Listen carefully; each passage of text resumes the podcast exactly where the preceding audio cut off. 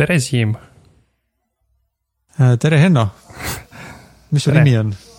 mu nimi on Henno Luts mm.. väga meeldiv, ma tean, mis tutvuda, mis tobe jutt see olgu. ma juba tunnen sind juba ammu, ammu jah, kui ammu? seda ma küll ei tea. see on hea küsimus. ma üldse ei mõtlesin- tea tegelikult, noh, kusjuures ma ükskord mõtlesin, et mul tuli meelde see, ma ei, ma arvan, et ma mäletan õigesti. Et mingi kord, kui me veel üksteist põhimõtteliselt ei teadnud, siis ma miskipärast pidin su kutsuma sinna, sinna su isa maja ette, et sa vist laseksid mu tuppa, et ma saaks võtta selle Renault võtmed ja Liisale kuskile järgi minna. kas see, kas sa mäletad sellest midagi või? ei, ma ei Ei mäleta sellest midagi. minu arust oli mingi sihuke asi. võiks juhtuda. Mm, siis mul oli veits nagu, kuna ma ei teadnud sind üldse, siis ma natuke ikkagi pelgasin, et noh, et täiesti põhimõtteliselt võõras inimene eh, peab laskma oma, oma isa maja sisse ja ma saaks sealt võtta autovõtmed ja sellega ära sõita kas ma tegin seda küsimusi küsimata? mm,. mulle tundub küll, sa olid suht selline sõbralik ja, ja viisakas, kuigi noh, ma ei, ma ei teadnud, kui päris see on, et sa ei kahtlusta midagi. Mm. ma arvan, et sa ei kahtlustanud väga midagi erilist see on küll natukene piinlik, et mm. Mhm. nii, nii lihtsalt siis, võta aga auto ja sõida. They don't understand. Hanno and Seam are super confused. Super confused. Yeah, they do their best to find the truth.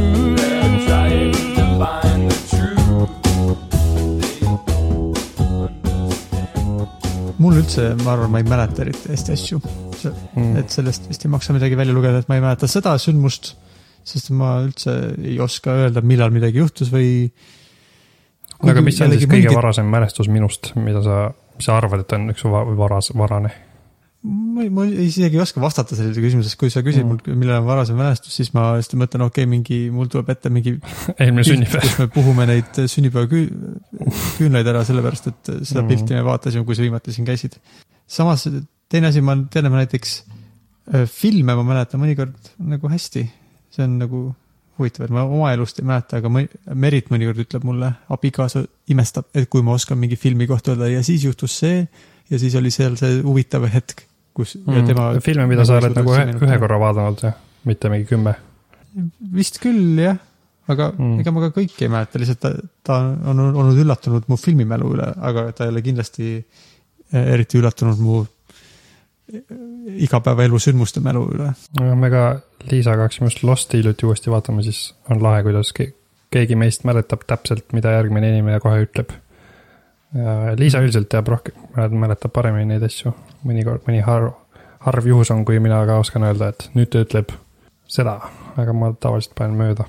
kas äh, meil viimastest osadest midagi, midagi äh, tagasivaatelist öelda ei ole vist eriti?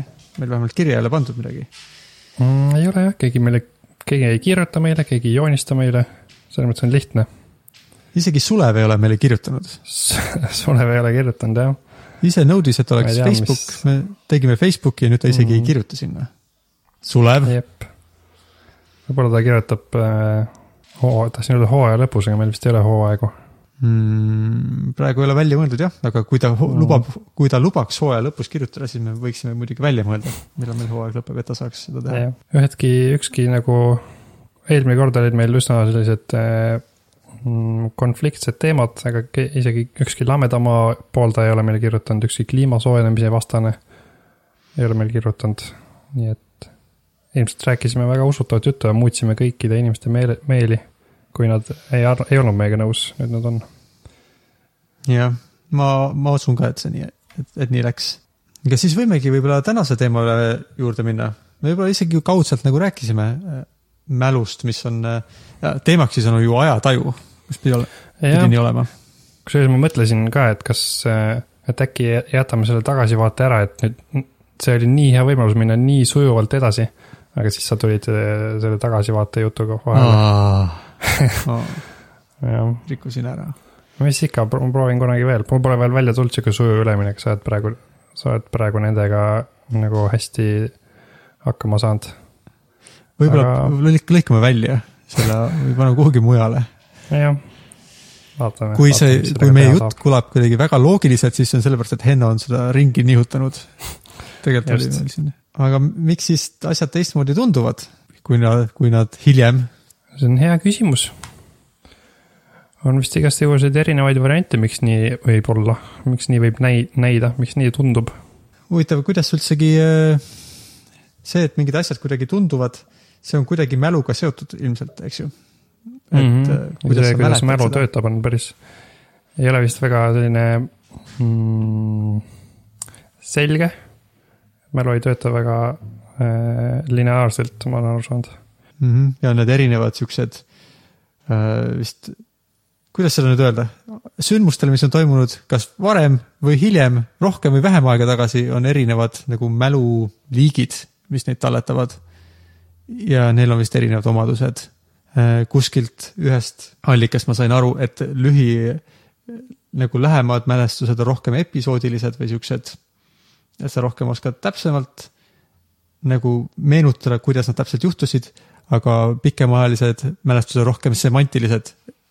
mis, mitte et ma nüüd täpselt saaks aru, mis see tähendab, aga see kõlab kuidagi nii, et, et pikema aja mälestused on rohkem siuksed, et sa nagu, sa oskad seda seletada ja rääkida sellest, sul on siukene nagu arusaam sellest, aga võib-olla mitte enam nii väga siukene, sa ei mäleta täpselt nagu täpselt ne, nagu, mis tunne seal oli olla, vaid rohkem lihtsalt sa tead, mis juhtus. kas see kõlab usutavalt? mm. -hmm. mälust äh,, Liisa on nii palju rääkinud mälust erinevaid äh, lugusid, praegu kahjuks ei mäleta enam hästi. ahaa, sa ei mäleta. ma ei mäleta jah, huvitav, miks ma ei mäleta, mis see, mis värk sellega on? sest et see on su mälust. see on seotud võib-olla isegi sellega, miks asjad teistmoodi tunduvad, sest me unustame mälestusi mm. -hmm. aga mitte, aga me unustame neist. üsna valikuliselt, mulle tundub. mm. -hmm. huvitav äh, teema on olnud praegu natuke aktuaalne, ma ei tea, kas sa oled jälginud seda, kuidas Ameerika ülemkohtusse valitakse või no nüüd juba määrati uus ülemkohtunik ja keda süüdistati äh, äh, siukses seksuaalses vägivallas. ja siis oli päris palju arutelu selle üle, kas need mälestused sellest seksuaalsest vägivallast võisid olla ekslikud või kui palju neid usaldama peaks. kas sa mäletad seda mm., oled jälginud? ma ei ole, ma ei ole seda eriti jälginud, ma olen kursis, et selle ülem, et selle mehega on nagu probleeme, aga ma ei ole kursis eriti selle asjaga üldiselt. Äh, seda, sellest räägiti äh, Skeptics Guide to the Universe podcast'is, nad arutasid seda ü- nüüd ja just sellest mälu aspektist või kuidas, et mida arvata sellest, et äh, see naisterahvas, mis ta nimi, Ford, doktor Ford, süüdistas Bretti, et ta proovis teda vägi- vägistada vist, kui ma õigesti mäletan, et see vist ei tulnud välja, et kas keegi ta sõber lükkas ta ikkagi sealt pealt maha või midagi sellist, aga et oli niisugune seksuaalne vägivald, mitte kõige hullem, aga üsnagi ebameeldiv. ja Brett väidab, et tema ei tea sellest midagi, teda, tema üldse ei olnud seal ja ta ei mäleta üldse mitte midagi sellest, aga ta on täiesti kindel, et seda ei juhtunud. ja doktor Ford ka ei mäleta teatud asju selle kohta, et tal vist on siukse nagu ta teab teatud asju, aga teisi asju ta ei mäleta ja siis mõned inimesed on arvanud, et kuidas sa saad, et kui see oli sinu jaoks nii dramaatiline kogemus, siis sa muidugi mäletaksid kõike, et see, et sa ainult sealt üksikuid detaile suudad meenutada, see tähendab seda, et sa oled selle välja mõelnud. Ma ei tea, mis sa arvad, kuidas sulle tundub, et kui oleks dramaatiline kogemus, kas sa peaksid mäletama sellest kõike?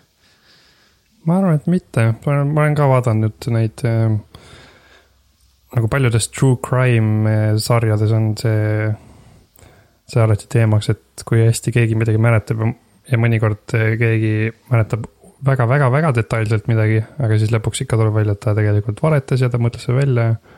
Aga ma, ma saan aru, et mälu, ma ei tea, kuidas praegu on, aga ma muidu üldiselt vist aina rohkem ju tuleb välja, et mälu põhjal midagi kohtus otsustada on üsna mõttetu, sest et mälu ei ole üldse usaldusväärne asi, mille järgi midagi otsustada.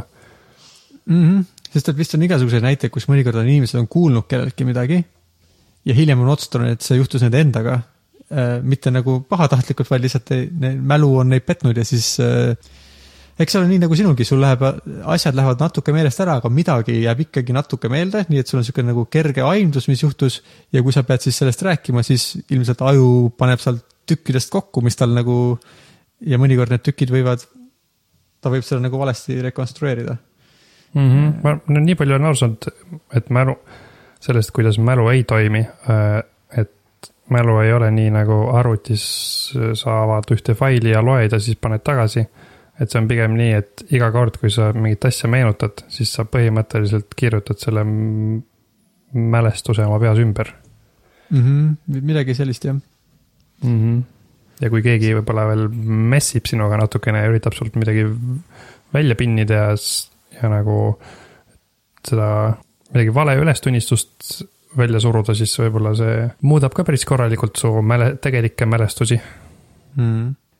Seoses selle doktor Fordiga vist vähemalt äh, skeptikute podcast'is äh, doktor Steven Novella, kes seda teeb, arvas, ütleb, väitis, et nagu see on üsnagi normaalne, kui sa mäletad väga selgelt teatud sündmusi ja teisi asju ei mäleta üldse, et eriti dramaatiliste kogemuste puhul on äh, tihti niimoodi ongi, et mäletatakse mingeid imelikke asju, et mõnikord keegi mäletab mingit muusikat, mis mängis või äh, mingisugust ühte lauset, mida keegi ütles, nagu mäletab ilmselt nagu nii selgelt kui vähegi võimalik. aga teised asjad nagu kaovad ära, et see kuidagi sihuke dramaatiliste kogemustega äh, kaasnevad mälestused on tihti sellised, kus on mõn-, mõningaid asju ei mäleta üldse, aga teisi asju mäletab nagu nii selgelt, nagu oleks eile juhtunud. mm. -hmm. aga muidugi ka jah, see võivad nagu kõik need teised efektid ka ikkagi töötavad, et äh, sa võid hakata valesti neid konstrueerima ja mida rohkem aega mööda on, möödas on seda nagu vähe, noh, seda vähem sa saad usaldada neid detaile, mis seal mälestustes on. et, et vist nagu tema, vähemalt tema kokkuvõte oli see, et arvas, et see on, et see e- mitte asjade mäletamine on normaalne, see ei, ei ole iseloomulik valetamisele või väljamõtlemisele, aga see ei tähenda, et seda nagu tema mälestus saaks sada protsenti tõena ka ilmtingimata muidugi võtta, et ta võib seda nii välja mõelda kui ka valesti mäletada. Mm -hmm. detaile sellest kindlasti. see erinevate asjade mäletamine ja mittemäletamine meenutab mulle, et keegi ka kuskil, kes rääkis mälust, ütles, et kui sa näiteks lähed äh, ma ei tea, kas teistsuguse näitega, kui sa lähed poodi röövima tahad, et su nägu ei mäleta, keegi ei mäletaks su nägu, siis pane mingi ülitobe müts pähe. sest et siis see nagu äh, noh, domineerib seda mälestust sellest hetkest, et mingi mees selle pardimütsiga, ma kahjuks ei mäleta Oota. eriti, mis ta nägu, milline ta nägu ma panen kirja, kuidas see oli, et kui ma lähen poodi rööma, siis tobe müts. Et pane jah, pardimüts näiteks, pane pähe siis, ma panen igaks juhuks kirja, kui, pane kirja jah, kui ja läheb võid vaja ka seda tarkust. midagi muud ka, midagi muud sensoorset võid ka teha, mingi. lihtsalt äh, röögatada iga natukese aja tagant mingisugused laused. nagu röögatada ja haiseda võiksid, ma arvan, haisemine aitaks kaasa. Mm. Või oleks hea, kui võtaks kaasa kellegi, kes äh, haiseb ja on pardimütsiga. kes tegelikult Mm. on kaasosaline, aga ta teeskleb, et ta on lihtsalt nagu süütu kõrvalseisja.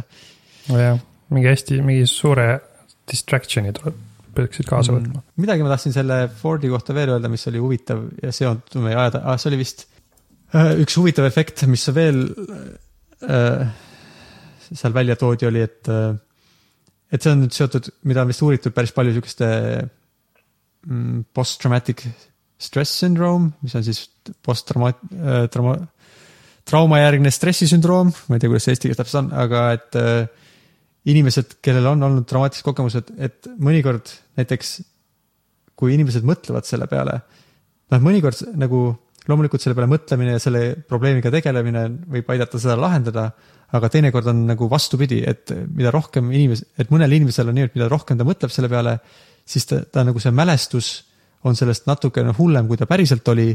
Ja siis see tema nii stress läheb hullemaks kui ka see mälestus läheb ajapikku aina hullemaks, sest kuidagi see äh, no ma ei tea, kuidas siis, et kuna see on nagu dramaatiline, siis sa mäletad, et see oli dramaatiline ja sa meenutad seda ja siis sa nagu äh, seostub sinu siukse väga negatiivse emotsiooniga, siis sa nagu mõtled seda aina hullemaks, et õigustada seda, kui dramaatiline see su jaoks oli või no mitte nagu teadlikult jällegi, aga et, et toimub selline protsess, et kui sa nagu aeg-ajalt meenutad mingit dramaatilist sündmust, siis lõpuks sa võid mäletada seda konkreetselt hullema, tunduvalt hullemana, kui ta päriselt oli. mis võib ka olla mm. -hmm. et see nagu võimendab iga kord, kui sa meenutad seda asja. nojah, sest et meie igapäevakogemus negatiivne asi võimendub siis või? kas positiivse kogemusega on ka sama huvitav või? Äh, seda ma ei tea jah, sest et see jutuajamine konkreetselt sai, oli see doktor Fordi ümber ja Mm. mm. see näide oli seoses, see oli vist, et, et seda oli uuritud seoses sõjaveteranidega, kes, kui nad meenutavad mm. oma mis iganes sündmust, mis neil väga traagiline oli, et siis nad võivad, kui seda ei teha, ei tee kuidagi teadlikult ja õigesti, siis see võib lausa hullemaks teha seda ma ei tea, sest et mulle tundub ka, et igapäevakogemus on meil pigem, et aja, ajapikku nagu mälestused leebuvad kuidagi tuhmuvad on ju mm.. mm. -hmm. et pigem nagu, ah, kas see oli nii tore või kuigi mulle, mulle tundub, et toredate asjadega on küll nii, et äh, tihti juhtub nii, et sa mäletad, et mingi asi oli toredam ja siis sa teed seda uuesti ja siis tuleb välja, et kas nii tore ei olnudki, aga see on pigem vist see, et sul on ootused, et sul võib-olla eelmine kord ei olnud ootusi ja siis nüüd sul on ootused, et see oleks uuesti tore ja see enam pole tore. et võimalik, et see pole mäluga seotud tegelikult.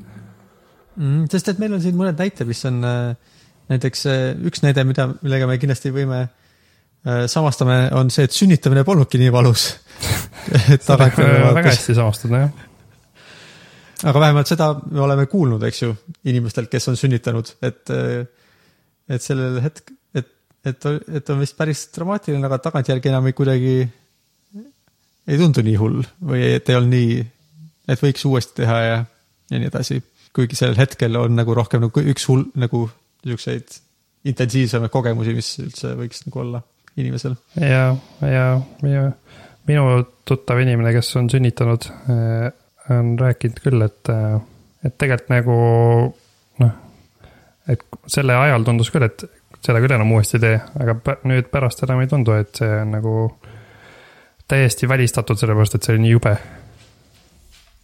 ma ei tea, kas see on siis sellepärast, et, et, et kas see tegelikult ei olnudki nii valus või see ikkagi lihtsalt läheb meelest, et sa ikka saaksid veel lapsi ja veel lapsi saada Mm, ma arvan, et siin võib jah, et see on huvitav mõte. ma usun küll, et siin on tõetera selles, et äh, evolutsiooniliselt on päris oluline, et naised saaksid veel ja veel lapsi. et tõenäoliselt õi-, õigel hetkel vallandub mingeid hormoone kuskil, mis äh, nagu selle sünnituse valu äh, panevad inimest sünnituse valu unustama sobival määral, et ta äh, nagu ei pelgaks seda veel teha. et siin on võib-olla isegi niisugune spetsia-, sünn-, sünnitamise konkreetselt selle näite puhul ei oleks isegi imelik, kui seal oleks sünnitamise spetsiifiline mehhanism, mis paneb sind unustama seda või seda kuidagi positiivsemalt nägema pärastpoole. jah, see tundub küll, et, et huvitav, kas sellel organismil on nagu sünnitamise ajal ka saab aru, et okei okay,, see on väga jube olukord, aga võta seda kui nagu midagi muud, see ei ole nagu tavaline, tavaline traumeeriv kogemus. mm. -hmm. sest mõnes mõttes on huvitav ka ja seda on vähemalt äh, Merit, minu abikaasa ka küsi-, nagu imestanud, et milleks peab olema näiteks, milleks see valutamine seal sünnitamise alguses on, miks peab olema nagu valus hullult kaua aega. nagu noh, mitte siis see, kui ta nagu laps välja tuleb, vaid see eelnev, eelnevad valud, et milleks see nagu miks, miks ei või mingi muu äh, nagu sihuke sensatsioon olla, kui miks ta peab valu olema. milleks nagu. ja ma olen ka seda, seda mõelnud jah, selles mõttes, et see ei ole ju, ei ole ju nii, et, et, et kuidagi evolutsiooniliselt on juba, juba ammu teada, et okei okay,, inimesi hakkab olema varsti liiga palju, et teeme selle nagu sihukeseks raskeks asjaks, et kõik liiga lihtsalt ei saaks neid lapsi, on ju. siis ma saan aru, et üks eesmärk on Jaa. ilmselt see, et nagu, et see ema leiaks omale mingi koha, kuhu peitu pugeda ja nagu vaikselt olla ja noh, mingi selline ja võib-olla siis valu oli kõige lähedasem sensatsioon, mis inimesel on, mida siis nagu esile kutsuda, et see, et siis äh, inimesed poevad oma pessa peitu ja valmi-, siis naine saab valmistuda seal sünnitama. et või mingi evolutsiooniline eesmärk võib sellel olla, aga nagu nii äh, pettumust tekitav ka natukene, et ei võinud siis olla mingisugune väga meeldiv tunne. noh, mingi variant on ka, et ma ei tea muidugi, kui, kuidas see on evolutsiooniliselt saab selle seletada, aga et kui sul on nii raske seda last kätte saada, et siis sa hindad seda last rohkem. et muidu sa võib-olla, ah, sündis ära, et okei okay,, ma tege-, ma elan nüüd oma elu edasi, et loodan, et temaga on kõik hästi, aga siis Mm. võib-olla no ma ei tea jah, mul vähemalt, mul endal oli sihuke kogemus küll, kui ta sündis, et äh, kuidagi nii pärast nii, noh, mul oli ka raske sünnitus on ju, mitte muidugi raske kui sünnit-, sünnitaval osapoolel, aga et ma arvan, et see efekt on ikkagi ka- sarnane, et et siis, kui ta lõpuks oli sündinud, siis oli nagu see, kuidagi see kaal nagu nii ekstreemselt, kuidas öelda, vahetas oma raskust ja siis oli, siis oli sihuke tunne, et ei oskagi öelda, ei oska seletada, mis tunne oli. igatahes noh, et, et kui nii raskelt midagi tuleb, siis on see äh, tulemus võib-olla kuidagi teistmoodi tajutav mm.. jah, see on küll huvitav, et, et võib-olla see on niisugune, no ti, mõni, tihti inimesed räägivad, kui neil on mingisugune väga su-, nagu selline väga dramaatiline kogemus, siis neil on mingit sorti nagu, nagu vaatavad elule uue perspektiiviga ja nagu ma ei tea, on niisugune reset väikene, no et kui kellelgi on kas mingi suur õnnetus või mingi muu elumuutus, et siis nagu vaatavad elule uuesti värske pilguga ja otsustavad uuesti, mis on nagu, millele keskenduda ja millele mitte. või et mis, mida ma peaks tegema, et ja kui uus inimene sünnib, siis on sobiv hetk selle jaoks küll, et siis võib-olla tõesti on vajagi stressida vanemad täiega ära, et nad äh, saaksid aru, et okei okay,, aitab nüüd vanast see, mis enne toimus, unustage ära, nüüd te peate uuesti alustama ja uuesti leidma, kuidas oma elu elada. sest kõik muutub mm.. et, et muidu kui liiga sujuvalt see läheks, siis nagu tunduks, et elu on ikka sama ja nojah, et siis ei, siis ei saa, siis läheb, no et kui sa oled siukse dramaatilise kogemuse läbinud, siis sa oled valmis kohe mitu öid järjest üleval olema ja hoolitsema lapse eest, aga muidu võib-olla läheks liiga sujuvalt ja sa alguses ei saaks aru, et sa pead nüüd kogu oma tähelepanu keskenduma sellele muutusele. ma igaks juhuks mainin ka, et me siin räägime, et, et Liisal oli hullult raske sünnitus, et tegelikult suhtelises mõttes tal oli kerge sünnitus ja Meritil vist oli ka tegelikult võrdlemisi mm.. lühike, aga no lihtsalt ise seal olnud- ruumis olla oli ikkagi, see ei tundunud no,, nojah, ta ei olnud, no mingisugune see jalutuskäik ei olnud sünnitus ise ei ole kerge, lihtsalt jah, et, et sünnitusi on ka väga palju raskemaid ja mitu korda pikemaid ja jah, äh, jah, keeruliste oma asjaoludega. Et meie naistel siis läks kõik selles mõttes hästi ja kergelt, neil mis oli, oli ikkagi raske. jah, et sünnitused, sünnituse mõttes oli kerge, aga igapäevaelu kogemuse mõttes siis raske lihtsalt selles mõttes., just nii. aga, aga huvitav näiteks, sest eh, mõned inimesed ju näiteks adopteerivad eh, vastsündinud lapsi. et kas, kas tegelikult on mingit vahet? Ma ei ole nagu uurinud, kas on mingid sellised uuringud ka, kas selles mõttes on mingit vahet, et neil ei olnud seda rasket eh, asja elus, kuigi võib-olla see adopteerimisprotsess on kokkuvõttes sama stressirohke, see kestab kauem ja seal on muidugi muu, ei ole valus, aga seal on stressi ikka sama palju.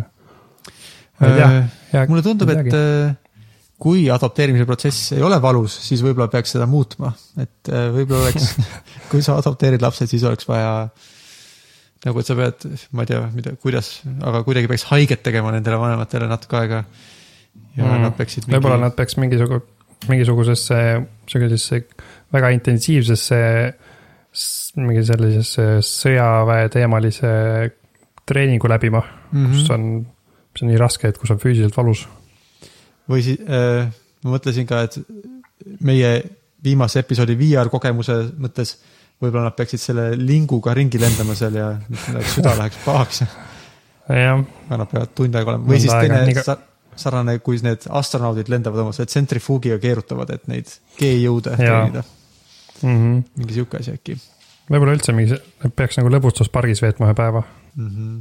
jah, aga see sõltub muidugi sellest, kas need uuringud on tehtud juba või ei ole, et me siis, eks me siis, kuna me ei ole eelnevalt seda otsinud, siis otsime selle üle hiljem. jah mm, Mhm. -hmm. võtame selle otsuse hiljem vastu ja anname siis teada inimestele. Jah.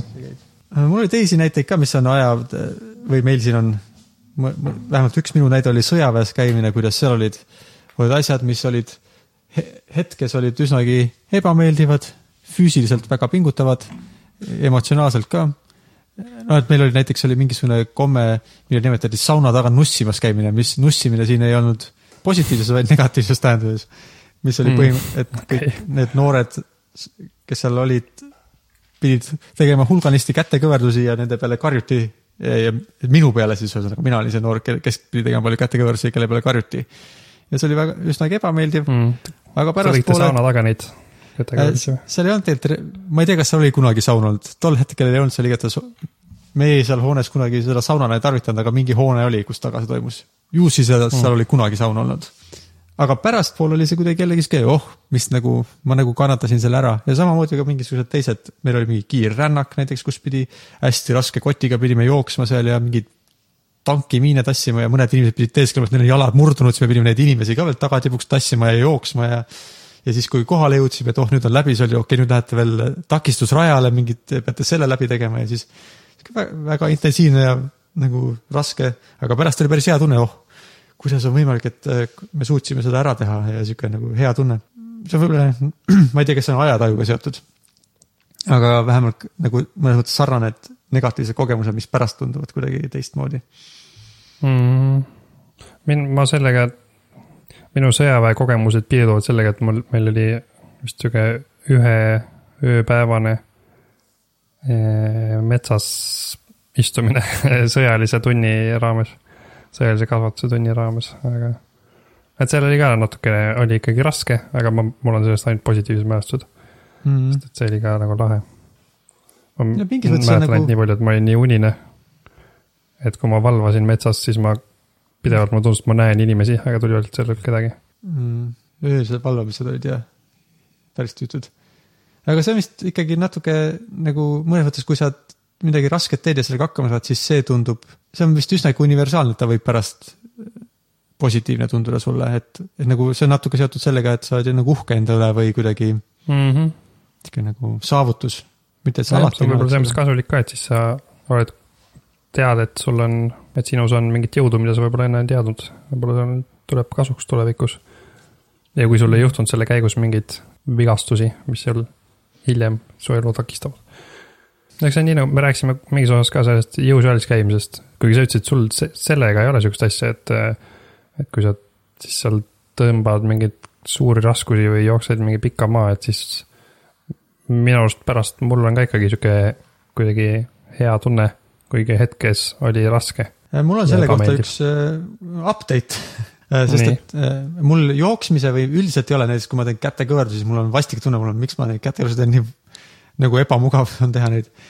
ja no jooksmine ei ole mul ebamugav tavaliselt, aga seal mul ka mingi üldiselt siukest nagu füüsiliselt mingit head tunnet ei ole, pigem mul on lihtsalt nagu, ma nagu hea tunne, et ma käisin jooksmas, mida ma tahtsin teha. aga üks asi on, mul on, selg on tavaliselt kange ja kui ma teen äh, sihuke kõhulihase harjutusi niimoodi, et ma selga hullult pingutan, siis pärast on mul nagu sihuke mõnus tunne seljal. ma ei tea, kas Nagu on, see ei ole päris see, jah, nagu füüsiliselt siukene äh,, ma ei tea, millega seda võrrelda. Nagu natuke nagu massaaž, mitte nagu päris, aga midagi sinnakanti nagu massaaži tunne veits, veidikene sihuke mm,, see on Mm. mm. nagu. siis ma isegi ükskord tegin nii, ma tegin ära ja siis mõtlen, oo ma teen, ma ootan natuke, teen natuke veel, sest see oli mõnus tunne. Hmm, okei okay.. mul on, ma arvan, mul on sarnane tunne, nagu ma rääkisin pärast eh, ujumist, mul on kuidagi sihuke tunne, nagu oleks üle keha saanud massaaži. Hmm. ma ei tea, miks sul nii veab, miks mul ei, miks mul ainult seljaga on? Ei tea, ei tea tundub, et see su keha üritab sulle öelda, et sa pead tegema ainult neid seljaharjutusi. jah, vist küll. Võib-olla see tähendab seda, et mu selgroog murdub parasjagu. ma ei tohiks rohkem teha, kui seal mingi imelik tunne on. et mingi närv jääb kuskile vahele ja siis sealt kogemata valenduvad mingisugused endorfiinid. meil on siin failis veel mõned näited, mis on. mind eriti, mind eriti huvitavad need näited, kus sa oled kirjutanud, et arvutile lisamälu. ma ei ole suutnud seda ära ühendada, selle, kuidas see selle teemaga seostub. Äh, Need on need näited, et äh, minu arust me oleme võib-olla seda teemat isegi korraks tõstatanud varem ka, aga et kuidas mõnikord, kui sa midagi noorena tegid, siis mis oli natuke nagu, isegi ta ei olnud midagi väga imelikku, aga ta oli nagu sinu jaoks veidike piinlik, sa nagu avastasid end. siis pärast isegi nagu aastaid hiljem on see sinu jaoks hästi piinlik ja see on üks näide sellest. see on näide selle, ma võin selle näite kohe siis ära rääkida. mul on muidugi piinlik seda rääkida isegi, see ei ole üldse midagi nii hullu. ühesõnaga Endel, kes on mu isa, tuli mu käest küsima midagi arvutite ja mälude kohta ja mina arvasin, et ta tahab so,, soovib minu arvutile lisamälu osta, aga tegelikult ta lihtsalt tahtis teada, kuidas, kui palju mälu oleks arvutile vaja, sest ta tahtis tegelikult oma tööarvutile üldse või midagi sellist. ja mm. siis mina käitusin selles vestluses nii, nagu ta tahaks äh, mu arvutile lisamälu osta, mida ta ei tahtnud teha põhimõtteliselt nagu sa arvasid, et ta tahab sulle kingituse teha. nojah, midagi sellist. ja Mm. see oli mulle, siis kui ma sellest hiljem aru sain, siis mul oli piinlik tunne. Mm, kas ta, kas sa arvasid, et siis ta, et ta nagu küsib, et ah, et kui palju sul. kui palju sul vaja läheks umbes midagi sellist jah. mm,? et ta nagu ürit-, et sulle tundus, et ta üritab niimoodi äh, salaja teada saadab, kui palju sul seda kinkida põhimõtteliselt jah, või osta. äh,. No midagi sellist ja ühesõnaga mina arvasin, et Mm. ma, mina väga, see, miks see mu jaoks piinlik on, sest mina väga enesekeskselt arvasin, et loomulikult ta tahab midagi minu jaoks teha, kui temal oli lihtsalt mm. Mulle üks küsimus. ja see oli, mis mu jaoks oli piinlik või miks ma tundsin ennast halvasti, et niisugune isekas inimene olen. Mm. aga noh, ma ei tea, miks ja ma selle pärast, pärast. pärast oli siis, kas sellepärast oli piinlik, et sa pärast mõtlesid, et see ilmselgelt sa ei oleks pidanud niimoodi arvama või? mm,. Ma isegi ei tea, võib-olla isegi, selles mõttes, et ma ei mäleta, kuidas see vestlus läks, võib-olla ta isegi väljendas ennast kuidagi halvasti ja mul oli äkki isegi täiesti põhjendatud see, et ma valesti aru sain. Mm. aga igatahes mul oli lihtsalt piinlik, et ma olin niisugune nii enesekeskselt selles olukorras mõtlesin. ja kui ma aeg-ajalt olen selle peale tagasi mõelnud, siis mul on jälle niisugune nagu niisugune tunne, miks ma niimoodi tegin. Mm. kuigi sellest on nii palju aega möödas ja äh, ma ei tea, ja see ei olnud midagi väga hullu tegelikult. kas sul on niisuguseid näiteid? Mm. mul tuleb nagu meelde, see on väga tuttav tunne on küll. et mu peas on sihuke, võib-olla empaatia tekib selle sinu mineviku sinuga. aga mul praegu ei oska kohe tuua ühte näidet, ma võin, kui mul hiljem meelde tuleb, siis ma võin siia vahele edit ida selle näite, aga praegu mul ei tule meelde. kui siin, kui siin nüüd Enno väga ilmekalt ühe näite toob, siis see on hiljem vahele pandud. just nii. jah, ma ei tea ka, kas see on ajatajuga seotud, see on võib-olla natuke seotud sellega, sellega, kuidas need dramaatilised kogemused võivad intensiivsemaks minna aja jooksul, sest ma arvan, et tol hetkel mul ei olnud tegelikult hull midagi, mul lihtsalt, ah, ma sain valesti aru, vist. ma ei tea ka, ma ei mäleta enam ju, mis hetk, tunne mul tegelikult tol hetkel oli. aga mul mm Mhm. -hmm. tunne, et ma olen kuidagi ajapikku olen selle enda jaoks hullemaks mõelnud ja rohkem nagu siukseks, et Siim, sa ei pea ainult enda peale mõtlema kogu aeg et selle mälestuse aina üle ja üle kirjutanud suuremate väärtustega. mm. -hmm. võib-olla ma üldse mäletan valesti, võib-olla see ei olnud Endel ja võib-olla see ei olnud mina, võib-olla ma nägin filmis mul oli vastupidi, sa küsisid neil, nojah, jah, võib-olla sa mäletad valesti. ma ütlesin endale osta mulle mälu ja ta ütles ei osta ja siis, aga jah, kas peaks veel proovima näiteid tuua või äh, muidu, muidu noorena loll, sihuke, see on küll nagu sihuke tunne, et ma pidevalt olen mõelnud, kuidas ma noorena olin loll, aga ma ei tea, millega seoses. jah, ma ei tea eks, eks ma editin siia vahele neid head, häid näiteid, mis mul pärast tulevad, mis vaata, mul homme sa- tulevad. ma vaatan, et sa päriselt editid ka, see oleks päris naljakas. jah, ma proovin, ma proovin. mingi väga, midagi väga, üks hea ilmekas näide siia. okei, üks piinlik mälestus, mis mul on. sellest, kuidas ma olin loll ja ma ei saa aru, miks ma olen nii loll. kui ma käisin muusikakoolis ja ma olin alles väike laps, siis eh, no suht väike, ma arvan, ma käisin muidu algkoolis. No ütleme mingi kümme, üheksa, kümme. siis eh, mul ei olnud vahetusjalatsid muusikakoolis ja oli talvine aeg. ja iga kord, kui ma olin nagu kl- klassist lahkusin, siis mul laua all oli suur mingi porilamp. sest mingi sopp sulas mu saabaste vahel ära ja siis ma mäletan, kui hädas ma sellega olin ig, nagu iga tund, kuidas ma üritasin, võtsin mingit pabersalvrätte kaasa, et ma saaks nagu ära pühkida seda soppa, mis sinna tekib, et seda kuidagi vältida. Ja siis isegi õpetaja vahepeal ütles nagu mitte otseselt mulle, aga inimestele, et et kui praegu on nagu sihuke halb aeg, et talvine aeg, et ärge nagu välisalatitega siia tulge, et siis on põrandad jäävad mustaks. ja siis ma lihtsalt istusin piinlikult ja mõtlesin, kurat, ma olen üks neist. aga ma ei teinud, ma ei, nagu ma ei teinud seda, mida ma oleks pidanud tegema, lihtsalt jätma jalatsid ukse taha, sest et ma, ma praegu, ma ei tea, miks, et miks ma nii loll. et see on, see on jäänud minuga sihuke piinlik mälestus. et ma ei tea, miks ma nägin hullult vaeva, et seda teistmoodi kuidagi ära hoida, selle asemel, et lihtsalt jätta jalatsid ukse taha, ma ei tea, kas mul oli kuidagi piinlik mõte see, et ma tulen sokkidega sinna tuppa või. ja üldse, et miks ma ei võtnud vahetusi jalatsid kaasa, ma ei tea. igatahes mingi aasta või nii hiljem ma juba mõtlesin, et miks ma nii loll olin, täitsa lõpp, miks ma nii loll olin. oota, ma reage- reageerin sellele äh,. oo, Henno, see oli küll päris hea näide. väga aitäh, et sa selle näite praegu siin tõid Mm,. siin, palun. sinna ette siis võib see panna. oli, see oli päris hea näide, ma arvan ka. et, et see noorena loll on üks asi, aga teine asi on see, et mul pidevalt on see, kuidas ma olin just mingi tund aega tagasi loll või eile loll. mingeid siukseid asju mul päris palju. üldiselt ilmselt seoses sellega, et äh, ma ei tea, seoses, seoses seal mingite vaidlustega, mida, mida ma Liisaga pean. ja siis pärast ma saan aru, et ma olin ikka loll Hmm. et seda on mul väga tihti. et ei pea olema nagu väga ammu juhtunud asi, aga mul on, mul on vist, ma ei tea, kas iga päev, aga peaaegu iga päev mul on piinlik, kuidas ma olin loll. no seda mul jällegi eriti, mul niimoodi küll ei ole igapäevaselt siukest Mm. tavaliselt ma olen nii, mul on õigus ja äh, mu arvamust ei ole nii lihtne muuta, et mul ei olnud mm. õigus. Mm. jah, mul on siis, ma ei tea, kas mu arvamust on väga lihtne muuta või siis ma olen pidevalt väga loll, üks kahest. Mm -hmm. või kombinatsioon, miks mitte mõlemat, miks mitte mõlemat. jah, on mõlemat. kas sa siis, kui sa olid, kui sa iga päev tunned, et sa olid loll, kas sa siis sellest õpid ka midagi, Henno?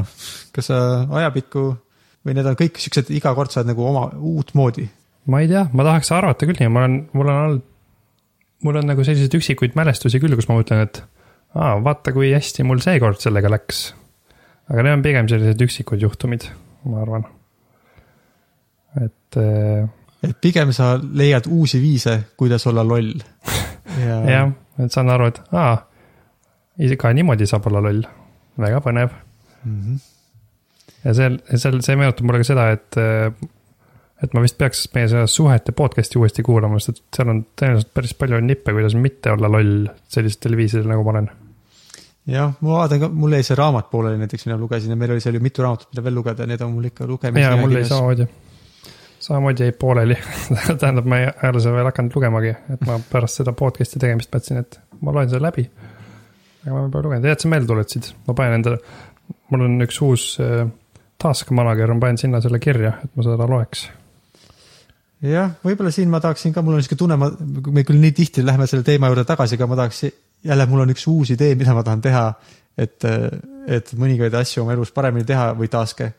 Et ma ka mõtlesin, et ma kirjutan kasutusjuhendi endale, Eliisele ja Meritile nagu kuidas kasutada ja see on nagu kasutusjuhend minu jaoks siis. et kuidas, mida ma pean tegema, et mul oleks sihuke, et ma nagu, kui ma olen midagi välja mõelnud korraks, et ma peaksin niimoodi tegema või et ma panen selle kirja sihukesesse kohta, kus on nagu äh, et ma nagu ei peaks uuesti avastama samu asju või kui ma avastan mingeid asju kogu aeg, et siis ma näeks, oo, see oli mul juba siin kirjas ja ma ikka pidin uuesti nagu äh,. no mis see täpsemalt siis, mis see kasutusjuhend endas No kasutusjuhend on võib-olla- tobe sõna, aga no lihtsalt, et äh, sihuke mm, nagu, et ma panen kuhugi, ma arvan, ma teen siukse Google Doci igaühe kohta meie ja et siis panen sinna kirja siukseid asju, mida ma olen otsustanud ja teine asi ka, et, et kui näiteks ma mõtlen tihti selle peale, et näiteks see suhete asi on ka, et ma olen mõelnud, et oo, et peaks mingeid raamatuid võib-olla selle kohta lugema või mõtlema, kuidas äh, no et suhe võiks alati parem olla ja et saaks äh, nagu oleks, me kavatseme veel tükk aega koos elada, et pare-, üksteisega hästi toime tulla. et sellel, selle peale on mõtet aega kulutada küll, aga ma kuidagi ei tee seda. ja ma ei tea, kas nüüd mingi teised Mm. raam-, dokumendi kirjutamine seda hullult palju aitab, aga vähemalt, et ma nagu, mu, mu plaan on nagu, et ma äh, otsust, et võtan mingi aja iga nädal ja siis ma kirjutan ja nagu haldan neid dokumente, kus on kirjas äh, nagu, et millised me oleme ja mida, mida ma tahan näiteks Meritiga teha, et seal oleks mul üks asi oleks kirjas suhete kohta lugeda, et meie suhted parem oleks ja siis, kui mul on see, see aeg, mida ma, ma ei tea, laupäeval või pühapäeval, mis ma kõrvale panen, et siis ma kas mõtlen uusi asju või võtan sealt mingeid asju ja tegelen nendega, et eh, näiteks loen seda raamatut siis.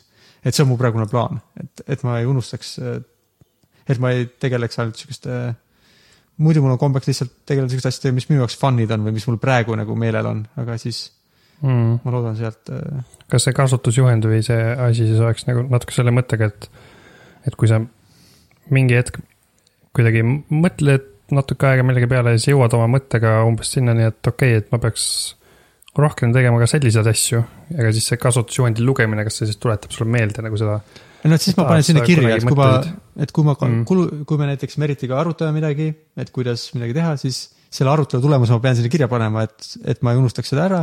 Ja et kui me teinekord midagi arutame, siis ma juba võin eelnevalt, kui me hakkame Meritiga arutama, kuidas midagi teha, siis ma ütlen, oota, ma loen enne läbi selle dokumendi, et mulle tuleks meelde kõik asjad.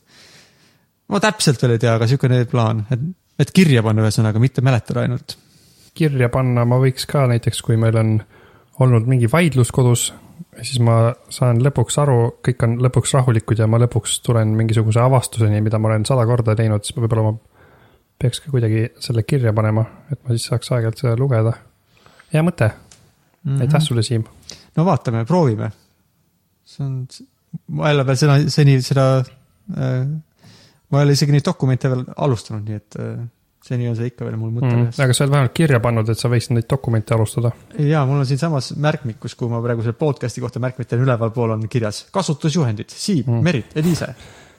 Jätkusuutlikud eesmärgid, tähelepanuväärne käitumine, kontrollmehhanismid, mis meeldib, progress, plaanid. et sihuke nagu Mm mm., -hmm. see on mu, nii palju, kui ma olen sellest mõelnud praegu. ja see on ka natukene selles mõttes seot-, seotud meie praeguse teemaga, et sest et muidu sa lihtsalt ei mäleta neid asju, jah, Mm -hmm. Mm -hmm. lähevad meelest. või ei mäleta vähemalt kõiki korraga ei mäleta ja. kas lähme edasi äkki, meil on siin mõned nagu puht rohkem aja tajumisega seotud äh, asjad vist ka kirjas.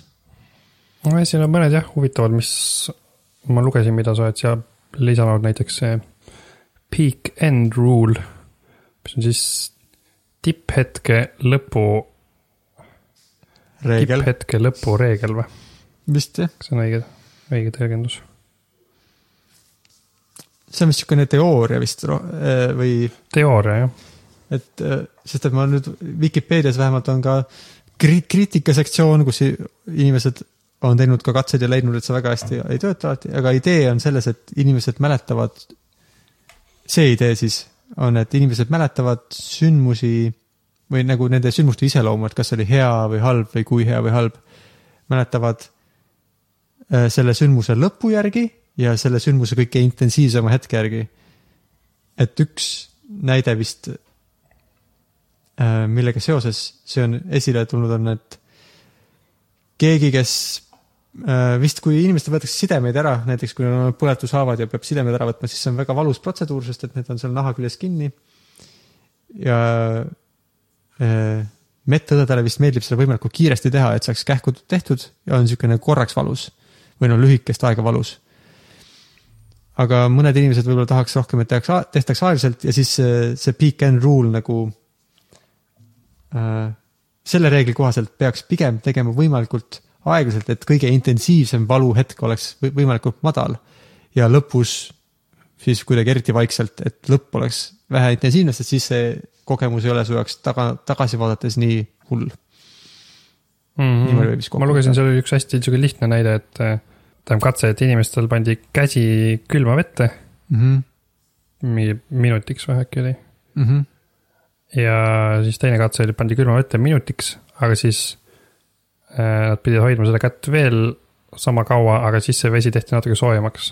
ja siis nad, kui nad pidid äh,, küsiti, et millist sa uuesti teeks, nad eelistasid seda, kus tegelikult sul oli lõpuks kokkuvõttes pikemat aega see käsi seal külmas vees, aga lõpp oli parem, sest et see oli natuke, lõpus oli natuke soojem see vesi mm. ja kui natuke soojem oli tõesti natuke soojem, ta oli ikkagi päris külm vist. -hmm. jah, kraad soojem jah, aga kergelt parem. mm. -hmm. kas seda saaks kuidagi ka selle sinu äh, sõjaväe teemaga sel-, selgitada või, et sul mingi, kas siis lõpp oli tore või siis oli, või siis see tipphetk oli sihuke tore või? tipphetk oli väga väga see- ebameeldiv, aga ma ei tea, lõpp oli tore, kui läbi sai, siis oli tore, ma ei tea, enam ei pea seda tegema. kas see on selle Mhm. kogemuse osa? võib-olla on Jah, nagu ja kergendus, see- et lõpuks see läbi. ja, ja sa enam ei mäleta vist nii hästi, kui. või, või mäletad või, või kui raske ja pikalt see, kui see raske see oli, pikalt see keskis, kestis või see on ikkagi ka siis läinud põhimõtteliselt meelest? mina kindlasti enam ei mäleta, ma nii, ma Mm. põhimõtteliselt olen hägusalt teadlik, mis toimus, aga ma ei mäleta, mul ei ole mingit sihukest nagu. me oleme sellest äh, visuaalsetest piltidest, ma ei tea, kas me podcast'is oleme rääkinud, aga omavahel rääkinud, et mul üldse ei ole visuaalselt, ma ei suuda meenutada eriti ja mul sellest sündmusest kindlasti pole mitte mingisugust sihukest.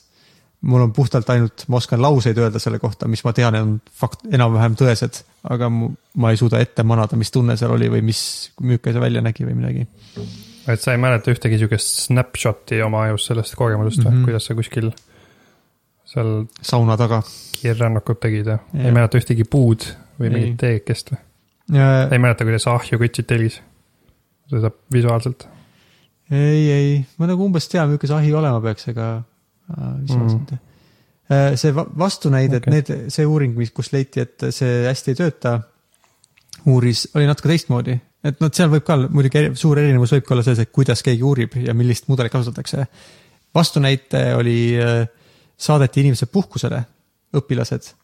Nad olid vist nädal või paar puhkusel ja iga päev pidid äh, kirjutama kokkuvõtte, et mis nad sel päeval tegid ja mis olid nagu positiivsed ja negatiivsed sündmused ja hindama, kui hea päev oli ja kui hästi nad ennast päeva jooksul tundsid erinevatel hetkedel. ja pärast puhkuse lõpus pidid sama tegema terve puhkuse kohta ja siis natuke aega hiljem veel, kui nad olid tagasi juba, pidid nagu uuesti meenutama, et kuidas neile meeldis ja mis olid nagu head ja halvad hetked. ja põhimõtteliselt nad unustasid kõik need, keegi ei mäletanud hiljem enam, kuidas nad päeva jooksul ennast tundsid põhimõtteliselt. ja see, kuidas nad lõpus või kõige intensiivsemal hetkel tundsid, see ei ennustanud eriti hästi seda, kuidas nad mitu nädalat hiljem sellest puhkusest arvasid. et see oli tunduvalt pikema mm, perioodi üle okay. muidugi, et selles mõttes äh, natuke erinevad asjad võib-olla. et ühel juhul see käsi seal külmas vees oli, eks ju, mõned minutid, aga teisel juhul oli mitu nädalat puhkust ja kas sul on puhkustega samasugused kogemused? puhkuste mäletamisega, siis mõtled meenutamisega? ja, jah. mul on tunne, tead, puhkustega võib-olla kuidagi, et mis kõige huvi-, kõige huvitavamad või muidu meeldejäävamad või siuksed põnevamad hetked. et ma, ma arvan, kui ma meenutan mingi puhkusi, ma mõtlen, mida sa viimasest puhkusest mäletad kõige kiiremini? kõige viimane puhkus, ma mäletan, kui me käisime Islandil ja seal võib-olla kas ühes selles sooja vee allikas ujumine oli sihuke lahe, imelik ja põnev, positiivne kogemus aga kas seal puhkusel oli ka mingeid väga raskeid hetki? Äh, seal puhkusel oli tegelikult, ma tean, et mul valutas pead peaaegu terve puhkuse ja oli nohu mm., mis oli väga tüütu ja ebameeldiv. aga seda ma tean, et olin, aga ma ei tea, kui ma mõtlen, see oli vist vastik küll, aga ma ei, seda ma tajun kuidagi vähem. see, ma ei, sest me just rääkisime, ma, ma lugesin selles samas märkmikus, mis mul lahti on, siin on mul just selle puhkuse kohta me Eliisega pidasime väikest päevikut ja siin on mul kirjas, et mul pea valutas.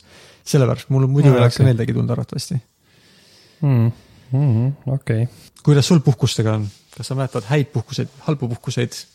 on sul puhkusel midagi halba juhtunud kunagi? ma ei tea, noh, ma, ma tean, et mul on puhkustel on nagu mingeid stressirohkeid olukordi peamiselt seoses sellega, et, et kuidagi otsustada, mida nüüd teha ja mis, mida peaks tegema, aga, aga ma ei mäleta otseselt neid äh, nagu neid hetki, et üldiselt on ikkagi positiivsed, ainus üks nagu suur erand, mida ma mäletan, on see, kui me läksime esimest korda Kosovosse ja siis te olite ka Meritiga, on ju mm. -hmm. kaasas. ja siis äh, mina ja Liisa äh, ei võtnud passe kaasa. ja siis me pidime Kosovo lennujaamast tagasi koju tulema, sest me ei saanud Kosovo lennujaamast läbi. Mm. see oli, see oli väga stressirohke olukord, ma mäletan, kuidas me olime seal tagaruumis ja inimesed, need turvatöötajad, nad, no nad ei olnud otseselt nagu pahased meie peale, aga mul veits sihuke mälestus, nagu tulid siuksed kurjad ja võib-olla veits kahtlustavad ja noh, et me ikkagi tuli, tahame illegaalselt justkui sisse saada nende arust ja Mm -hmm. ma olen isegi alles, alles jätnud selle mingi A4, kus on peal mingi Kosovo keeles midagi negatiivset, mingi tempel. ja siis, kuidas me seal nutsime ja siis pärast läksime tühja lennukiga tagasi ja, sest et kedagi teist seal ei olnud, ühesõnaga jah, sihuke väga. väga, see oli üks, see on nagu sihuke hea negatiivse puhkuse kogemus. et see on, see ei ole meelest ära läinud, aga tõenäoliselt see ei ole meelest ära läinud, et see on ainus asi, mida me tegime sellel puhkusel, nagu sellel konkreetsel puhkusel mingi paar päeva hiljem läksime uuesti, aga see on juba minu mälus nagu kui teine Kosovos käik. Mm. et selles mõttes see esimene puhkus oli sihuke ainult sihuke negatiivne kogemus.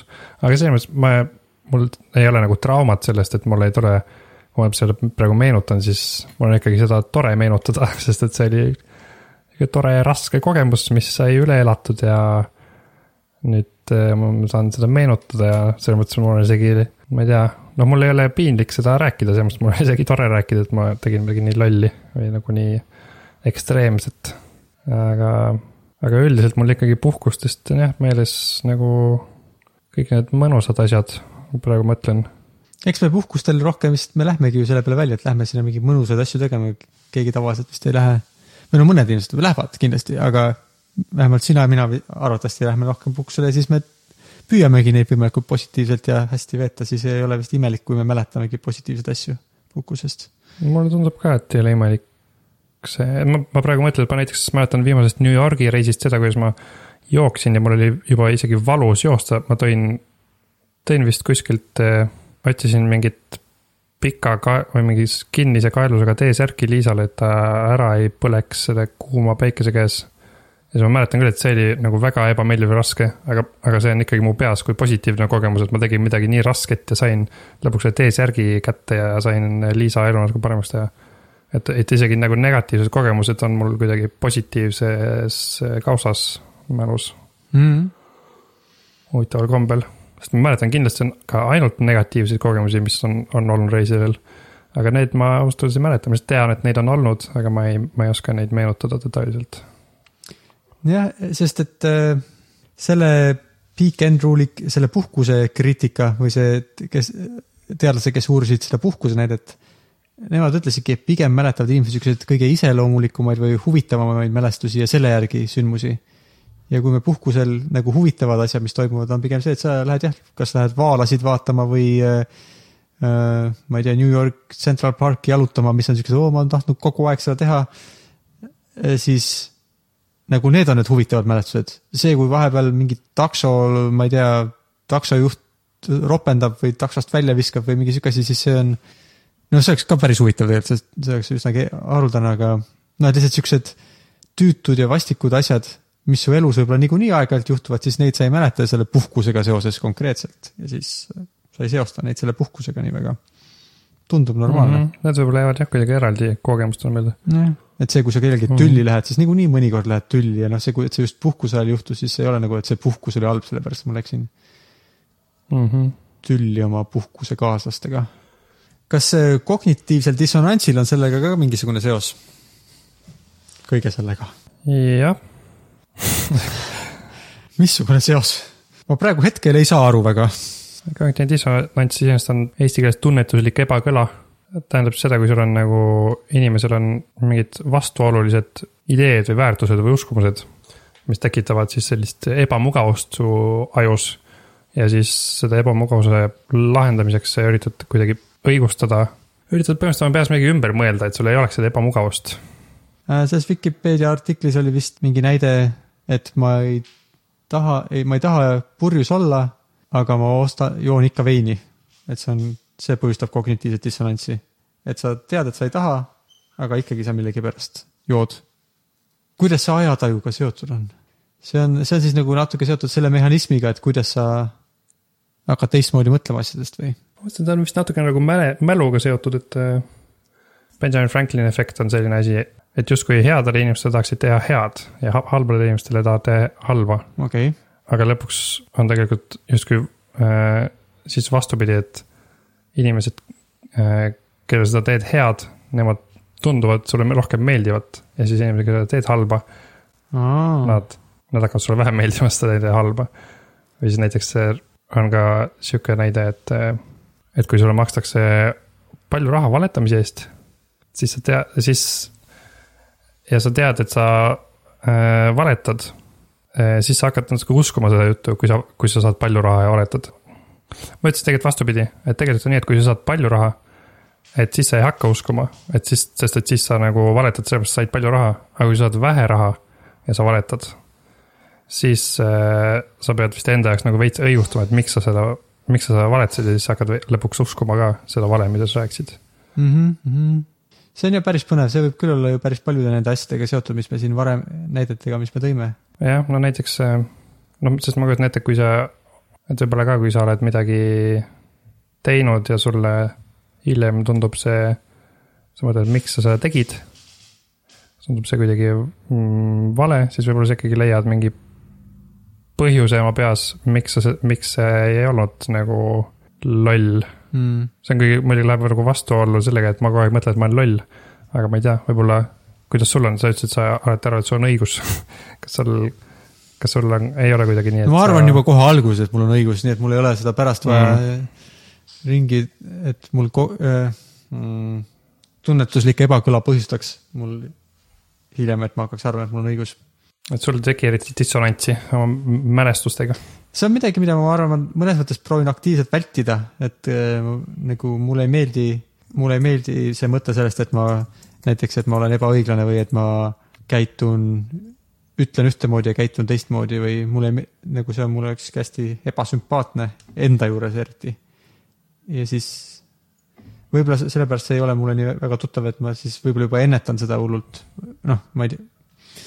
Ma ei tea, kui hästi mul see Mhm. välja tuleb, aga vähemalt, et see on mu niisugune filosoofiline või niisugune asi, mida ma proovin teha. see näide, mis seal Wikis oli muidu see, et, et äh, keegi mõtleb, et ei taha purju jääda, aga samas joob rohkem veini, et mul seostus lihtsalt see, sellega see, et äh, võib-olla see, kuidas mul endal on tihti, et mõtled, et pead mingi kellaajaks koju jõudma, aga siis kus iganes sa oled kellegi külas, siis nagu justkui ei taha minna koju ja siis kuidagi põhjendad võib-olla sellega, et ah, et hommikul võib-olla tegelikult nii vara ei pea tõusma ja võib-olla, võib-olla saab nagu võib-olla saab selle asja sinna edasi lükata ja, ja siis sellega teha niimoodi, et noh, et võib-olla sellises olukorras ka nagu hakkad peas juba ümber mõtlema neid asju, mille, mis muidu on vastuolus. nojah, et mõnes mõttes see on nagu niisugune äh, nagu ettekäänded väljamõtlemine või niisugune, et aa, et küll saab ja saab nii ja naapidi.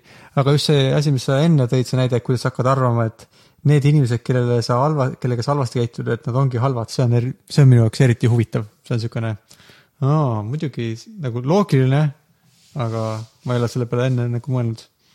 et siis, kui sa varastad kelleltki raha, siis pärast sa hakkad mõtlema, et tegelikult ta ei olnudki seda väärt ja ta oli, üldse nad on kõik äh, halvad inimesed ja see on õige, et neil, neil tulebki raha ära varastada. ja loo-, sest noh, et see juhul, kui sa ise arvad enda kohta, et sa oled õiglane või hea inimene, et sul on sihuke arvamus, aga sa teed midagi, mis on halb, siis sa leiad nagu õigustuse ja hakkad seda ise uskuma jah, sul oli üks huvitav näide ka, mis ma lugesin, oli, kuidas keegi kukkus kuskilt alla. jah, see on nagu seotud rohkem selle, kuidas mälu töötab, et äh, kuidas eesti keeles on neuro, neuroscientist. Ajuteadlane võib-olla on okei okay öelda. igatahes David Eagleman, kui ta oli väike, siis ta põhimõtteliselt kukkus kuskilt alla ja siis äh, noh, ilmselt me kõik oleme ka kogenud seda, et mingil sihukesel hetkel tundub nagu see hetk kestab kuidagi hästi kaua. ja siis äh, tegelikult see kestis väga lühi, lühikest aega nojah, sest ja et siis äh, ilmselt aeg ei muutu aeglaseks tegelikult päriselt. jah, jah, et tundub nagu sa kuidagi elaksid nagu mingis teises, teise kiirusega öö, maailmas, teise ajakiirusega, tegelikult on asi vist selles, et väidetavalt tema, tema arust, tema katsete järgi, et su mälu hakkab justkui kiiremini, kiiremini talletama infot, tihedamini talletama. ja sa lihtsalt pär-, et noh, see kohe hetk hiljem, kui sa mõtled selle peale, mis just juhtus, siis. tähendab, mitte isegi mõtled, vaid sa lihtsalt, sa tajud justkui, et see kestis kauem, sest et sa mäletad palju rohkem äh, infot mm. selle, sel ajal. sa mäletad rohkem asju, mida, millest sa mõtlesid. no nagu räägitakse, et su elu jookseb su silme eest läbi, et see tõenäoliselt on ka sellest tulnud, et sa lihtsalt jõuad nii palju asju mõelda ja kõik, enam-vähem kõik see jääb sulle meelde ka, et sa jõudsid nii palju asju mõelda mm. -hmm. et tegelikult me ka ilmselt mõtleme sama palju ja sama kiiresti, aga, aga meie mälu ei jäta nagu nii tihedalt äh, seda infot äh, meelde. Mhm. ma loen siit, et äh, peale seda, kui ta ise oli alla kukkunud, siis hiljem ta tegi siukse katse, kus ta hakkas inimesi saja viiekümne jalasest tornist alla loopima, et vaadata, kuidas, kas nemad ka hakkavad, kas nende jaoks ka aeg aeglasemalt liikuma hakkab, see tundub päris tore. jah, tundub küll tore jah, ta ütlesid ka, et, et ta pidi jah minema tallasesse, sest et see saja viiekümne jalase kõrgusest tornist inimeste alla loopimine on ainult seal legaalne. muidugi võrgu sisse, on ju. ja siis jah, see on umbes, umbes sihuke kolmesekundine kukkumine pidavat olema, aga siis kõik inimesed mäletasid seda kauem, ta tegi enne, alguses ta tegi ka sellise testi, et ta pani inimestele käe külge mingi kella, kus need numbrid jooksid hästi-hästi kiiresti. et, et nagu teada saada seda, kas inimesed tõesti kuidagi suudavad aegluubis näha. aga siis ta sai aru, et ei, see, see ei ole tõsi, sest ükski inimene ei suutnud neid numbreid näha seal kella peal, mis jooksid nii kiiresti. aga siis äh,. mm,. et ta mõtles, et kas inimesed, et selles mõttes, et kui ta tornist alla kukub ja vaatab seda kella, kus numbrid liiga kiiresti jooksevad, kas talle siis tundub, et oh, täpselt õige kiirusega tiksuvad praegu. tähendab, ta mõtles, et nad numbrid vist jooksevad nii kiiresti, et tavajuhul inimesed ei saa, ei näeks ühtegi neist numbritest, sest nad lihtsalt nagu flash ivad sealt läbi. aga, aga ta siis ta mõtles, et ta vaatab, kas inimesed se- alla kukkudes näevad neid, aga ei, see ei olnud tõsi. okei okay., et tundub, et ikkagi asi on mälus. okei, et aju töötab samamoodi, noh, et see nagu, kogemus on samasugune, nagu ta tavaliselt on, aga lihtsalt sa pärast mäletad selle kohta nii palju rohkem või tihedamalt infot ja siis sellepärast ta nagu venib pikemaks. jah, nagu- just, justkui venib meenutades. pikemaks äh,. mm. -hmm. sarnane asi, mis äh, on sul ka, noh, jah, kas sul on ka olnud mingeid selliseid hetki elus, kus sa ma just tahtsin öelda, mul ei ole, kasvõi komistad mm.? mul, ma ei ole kunagi märganud ma, ma aeg, nagu mäletan, mul on olnud, aga ma mm.. kas, mis kogemused sul siis on ajakiiruse muutusega? Uh, praegu esimesed on veel mingid rattaga, rattasõiduga seotud asjad. näiteks ma mäletan, kuidas mingi, ma sõitsin rattaga suhteliselt kiiresti ja üks suur veok sõitis mulle peateele ette ja siis. noh, enam ma nii selgelt ei mäleta, aga ma mäletan, kui ma sellest rääkisin samal päeval ilmselt Liisale või midagi, et siis ma mäletasin, kuidas ma mõtlesin nagu selle lühikese aja jooksul igasuguseid asju, et kuidas ma vaatasin seda meest, et ah, ta ei vaata mind, nii nüüd auto sõidab siia ette ja siis ma mõtle-, mõtlesin ka siukseid asju, et okei okay,, et huvitav, kas ma sõidan sinna, sinna kohta vastu see autot oma näoga või sinna kohta. Ja siis, kuna mul polnud aega eriti vaadata, kas vasakult poolt selja tagant keegi tuleb, siis ma mõtlesin ka selle peale, et okei okay,, ma nüüd pööran vasakule, aga ma ei tea, kas keegi mulle sõidab nüüd selja tagant sisse. et noh, mul, ma arvan küll, et mul on olnud selliseid kogemusi, mm.. et olen kogenud seda. et kui, kui veidralt palju sa, sa nagu lühikese aja jooksul mõtled selliseid asju. et kuskil ka see, see, tähendab seesama David äh, Eagleman, kes on neuroteadlane siis ütleme, on, ütles, et mingi äh, mees rääkis talle, kuidas, kui ta mootorrattaga kukkus ja põrkas mööda maad, ta pea nagu kiivri sees põrkas mööda maad, et siis ta selle põrkamise ajal nagu mõtles, et see põrkamine tundus talle, et aa, see on nagu sihuke huvitav beat ja siis ta hakkas oma peas nagu mingit lugu selle ümber mõtlema, samal ajal kui ta seal mööda asfalti põrkas. väga chill, mõni, mõni väga chill tüüp. väga chill jah, jah, ühesõnaga mul on olnud küll selliseid kogemusi, mitte hiljuti, aga näiteks rattaasi oli kunagi nii, niisugune. sellega seoses mul tulid meelde lood, kui inimesed on tarvitanud psühhotroopseid aineid, siis neil on ka mõnikord äh, ajataju muutub ja mõnikord neil tundub, et aeg läheb väga kiiresti või aeglaselt. aa, et mõlemat pidi kiiresti ja No aeglaselt see ma mõtlesin, et pigem on nii, et aeg veni-, nagu paisub mm,, okei okay.. Et aga vist jah, et see paisumine vähemalt, võib-olla see on huvitavam, sellepärast tuleb rohkem jutuks. sest et aeg kiiresti läheb mõnikord ikka, kui sa nagu teed midagi ja ei märka. aga et võib ka teha, et aeglaselt minna. seda ma arvan, ma jälle kuulsin podcast'ist, kus üks tüüp rääkis, kuidas ta läks peaaegu hulluks peale seente söömist äh, või läkski. aga ühesõnaga osa sellest kogemust oli, et äh, tal mingi tunniajane kogemus tundus talle nagu see oleks aastaid kestnud ja see on vist üsnagi tavaline sihukeste teatud, teatud ainete puhul. et no see on päris huvitav, see meenutab mulle seda ähm, Inception, sa oled näinud seda filmi? mm. -hmm, jah, seal oli ka see teema, et kui sa oled unes, siis see, nad väitsid, et see kuidagi, ma täpselt ei mäleta numbreid, aga ka, et mingi võib-olla tund aega unes on nagu, ma ei tea, kuus kuud. see tajutav aeg on seal kuus kuud, aga tegelikult möödub tund aega. et huvitav, et ta on siis tegelikult on ka niimoodi, mitte ainult filmis, küll mitte unega, aga siis. ja, jah. ma ei tea, kas see on ka siis, kas võiks arvata, et see on ka kuidagi selle mälestustega siis seotud, noh, see on nüüd, nüüd täielik spekulatsioon. selle kohta ma ei tea midagi, miks see niimoodi on, aga noh, vähemalt siis teoreetiliselt ta võiks olla sar- sarnane põhjus, et see mõjutab kuidagi aju, lihtsalt mälu talletab rohkem mõtteid mm.. mm, et sa mäletad lihtsalt rohkem, mitte niivõrd, et sa tegelikult mõtleks rohkem kui tavaliselt. psühhotroopsed ained panevad aju imelikult käituma, see tuleb, kõlab normaalselt, see vist ei ole väga üllatav. kas sul on psühhotroopsete ainetega kogemusi? mul on äh, üsnagi vähe, ma olen kunagi äh, kanepi äh, suitsetamise järgselt tundnud, et midagi läheb väga aeglaselt. ma ei tea, kas kanep on sihuke tüüpiline, mille põhja, mille, mille järel see tekib, aga vist oli, et me kõndisime kuhugi bussi peale ja see tee oli nii, nii pikk ja nii, nii kaua. siis mul olid teistsugused muud imelikud kogemused ka samal ajal, nii et äh, mis selle peale, et nii kaua kestab, see ei olnud kõige hullem seal või kõige imelikum selle, sealjuures. Mm. ma üldsegi olen kunagi, see kõlab tuttavalt jah, et kanepi, kanepit suitsetavatel inimestel on sellised kogemused vähemalt filmide järgi. mm, ma kuna-, mõned korrad olen nagu kunagi tundus see huvitav asi, mida teha. Aga siis mul oli nii mitu siukest üsnagi negatiivset, ma ei tea, halba trippi, ütleme nii. selle industry term'ina ja mm. -hmm. äh, ei ole enam üldse, kadus ära täielikult soov proovida rohkem siukseid asju teha. okei okay., aga aeg läks küll aeglaseks, vähemalt ka.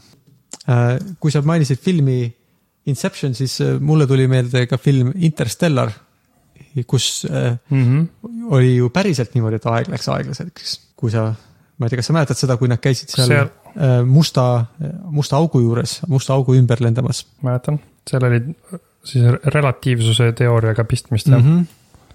et kuna nad seal, kuna nad, oota, kuidas see oligi, et nad läksid musta augu ümber, aga musta augu ümber on, gravitatsioon väga tugev miks, see aeg aeglasem on? gravitatsiooni tõttu, et okay., kui on väga-väga, lihtsalt tugevam gravitatsioon seda aeglaselt Äh, aeg liigub. hõlmab endas aeglaselt aeg liigub, okei okay.. ma mäletan jah, et nad läksid sinna, nad veel mõtlesid enne, et kas nad lähevad, sest et äh, siis maa peal läheb mööda mitukümmend aastat, kui nad korraks käivad sealt läbi mm. -hmm. -hmm. aga siis nad ikka läksid ja siis pärast Matthew McConaughey tütar oli juba täiskasvanu, kui ta temaga järgmine kord rääkis. Mm -hmm. mäletan seda, teoreetiliselt vist see on hea film, jah, et äh, vist äh, seda ideed edasi viies musta augu keskel peaks aeg vist enam-vähem seisma jääma. Või võib-olla aeg ei ole enam üldse nagu mingi asi, mis nagu mõistlikult eksisteerib musta augu sees. aga mida lähemale sa lähed, seda aeglasemaks ta läheb. Ja no tõenäoliselt küll jah, aga keegi vist ei tea, isegi ei ole mingit normaalset teooriat vist, et mis musta augu sees toimub või? mingid teooriad vast jah, ega vist keegi ei, see, see, et äh, vist füüsikalised seadused ei tööta väga hästi Mm -hmm. sest et me ei saa sihukest asja taas luua ja vaadata, mis täpselt juhtub.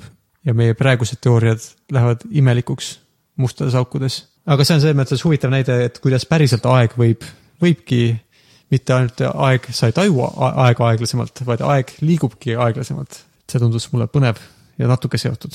samal põhjusel selle rela- relatiivsusteooria, tänu relatiivsuse teooria teadmisele meil üldse GPS ju töötab, sest et muidu oleks nii, et eh, kuna need GPS-i satelliidid liiguvad ikkagi nii kiiresti, et, et ajapikkuse ajaline nihe oleks probleemiks, siis eh, nende toimetamisega peab arvestama sellega, et aeg liigub aeglasemalt, kui asjad liiguvad kiiresti. jah, et see on huvitaval kombel vist on veel niimoodi, et kuna need satelliidid lendavad ümber maakera, siis nad on, neil on gravitatsioon on neil väiksem, sest nad on maakerast kaugemal kui maa peal. nii et väiksema gravitatsiooni tõttu liigub neil aeg natuke aeglasemalt. aga kuna nad lendavad päris kiiresti ümber maakera, siis liigub neil aeg kiiremini, siis nad enam-vähem äh, nagu äh, nullivad üksteist ära, aga mitte päris. ja aa, okei okay.. Seda gravitatsiooni osa ma ei olnudki mõelnud, et see, sellega tuleb ka arvestada. jah, ta vist peab mõlemaga arvestama, et, et, et Mhm. GPS töötaks ja kuna jah, GPS-il on nii tähtis, et see aeg oleks nii täpne, sest et selle aja, väikeste ajanihete kaudu erinevatelt satelliitidelt tulevate signaalide järgi see geolokatsioon toimib, siis äh, seal on nagu tähtis, et korrigeerida see, sest muidu üsnagi kiiresti läheks vist need GPS täiesti valeks ja ei saaks midagi enam lokeerida. see on sihuke lahe, ma aeg-ajalt unustan ära, et relatiivsusteooria on päriselus ka ikkagi äh, igapäevaselt äh, kasutusel. mm. -hmm. mitte ainult äh,, ma ei tea, kosmosesse rakettide saatmise jaoks. me oleme nüüd mõnda aega rääkinud, me oleme üsnagi teemade lõpupoole ka jõudnud, kas peaks äkki hakkama otsi kokku tõmbama, mis sa arvad? ma arvan küll jah, võiks küll, võiks küll need otsad kokku tõmmata. Sulev, meil esimest korda vist on nii, et teemad on nagu, kirja pandud teemad on äh, läbi käidud. enam-vähem vist jah. sihuke haruldane ta on natuke jah. aga jah, sa tahtsid Sulevile ma tahtsin öelda Sulevile, ma tahtsin öelda Sulev. palun kirjuta ja siis meile Facebooki midagi, sest äh, sinu jaoks me ometigi tegime selle ja teised kuulajad. jah, kirjuta jah. sa saad iga, iga osa alla kirjutada midagi Sulev mm. -hmm. sest igal osal on oma postitus. jah, see on ikkagi si- si- sinu jaoks tehtud, sinu, sinu jaoks ruum, kus Sulev, sina saad meile rääkida, mis sa arvad. nii et jah, muidugi sa ei pea, see ei ole, see ei ole kohustus, aga, aga ole, ole nüüd ikka, ole nüüd ikka, ikka inimeseks. ikka kirjuta, aga sa ei pea, ei pea. ära, ära jää võõraks. ja teised kuulajad võivad meile ka kirjutada ja joonistada ja soovitada nii teemasid, millest me ei saaks aru podcast'is, kui ka teemasid, millest äh, võib-olla keegi teine ei saa aru ja mida võiks arutada. ja siis me suurepäraselt oskame nendest hakata aru saama ja kõik ära seletada. suurepäraselt. nagu käesolev episood on äh, ehedaks näiteks sellest, kui hästi me saame asjadest aru ja suudame neid seletada. aga nägemist siis või ku- kuulmiseni, Henno. Kuulmiseni jah, kuulmiseni kahe nat-, nagu üt- ütles vanasti see Pealtnägija, kuulmiseni tund aega vähem kui kahe nädala pärast. see on päris, ma ei olnud kuulnud seda, see on päris kaval, päris kaval.